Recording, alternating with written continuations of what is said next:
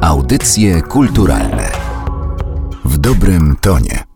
Listy odgrywają w XX wieku nieco inną rolę niż wcześniej. Właściwie przejęły rolę dialogu filozoficznego i przejęły rolę skomplikowanej gry o własną wielkość, jaką prowadzi artysta dwudziestowieczny. Może najciekawsze są listy, które pisał Witkiewicz ojciec do Witkacego, bo Witkacego nie podejrzewamy właściwie o to, że był głęboko zaangażowany w sprawę niepodległości. A jednak ojciec próbował uformować wielkiego artysta, a wielki artysta, jakim był syn, nie chciał być uformowany tak, jak wymyślił sobie ojciec. Najciekawszy moment właściwie w tym buncie przeciwko ojcu, zapisanym w listach, to chwila 1914 roku. Jeszcze wcześniej Witkacy chce zerwać z koncepcją utopii ojcowskiej, bo widzi, że nowoczesność jest straszna i na tę nowoczesność nie przyda się utopia ojcowska. W 1914 roku Witkacy znajduje się w Australii z powodów tragedii osobistej i stamtąd wraca do Rosji, żeby walczyć o wolność Polski. Zaskakujący wybór. Powinien wrócić do Austrii albo do zaboru austriackiego i tak jak legioniści Piłsudskiego walczyć o wolność. A jednak on wybiera drogę na przekór. To zaskakujące, jak bunt nowoczesny przeciwko ojcu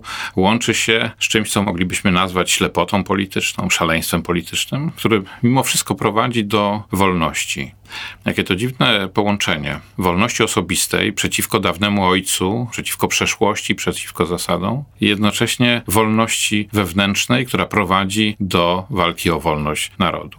Można powiedzieć nawet, że awangarda przechodzi zawsze taką drogę. Drogę, w której jest moment zerwania z tradycją i moment podjęcia znowu świadomości. W Europie, w Polsce, na marginesach ówczesnej cywilizacji, ten wybór jest taką strukturą wielowarstwową. Bardzo często na wierzchu są wypowiedzi o charakterze zbuntowanym, którym nie do końca należy ufać, a w głębi skrywane są wartości tradycyjne, których nie chce się porzucić, a które awangarda chce wytrzeć.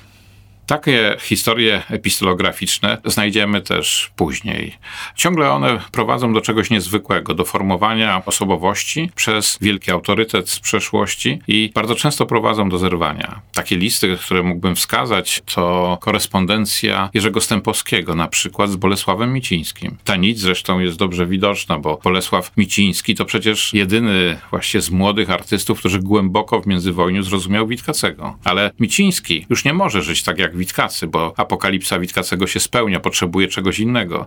I paradoksalnie wybiera sobie Jerzego Stępowskiego, żeby w sposób głęboki i w sposób inny niż banalne odczytanie tego czasu zagłębić się w teksty klasyczne. Gdybyśmy potem jeszcze szukali takich związków, które ukształtowały świadomość dwudziestowieczną i które ukształtowały polską tożsamość, to moglibyśmy wspomnieć o Herbercie i o Elzenbergu to podobna linia, ale już ma w sobie o wiele więcej zerwania z nowoczesną pedagogiką, bo Herbert nie znosi nowoczesnej szkoły i dlatego wybiera mistrza, którego ta nowoczesna szkoła w wersji wtedy stalinowskiej pozbawia możliwości wykładania. Herbert więc koresponduje z Rosenbergiem, żeby nawiązać tę nić nowoczesnego wykształcenia poza uniwersytetami i żeby ochronić własną wolność. Audycje kulturalne w dobrym tonie.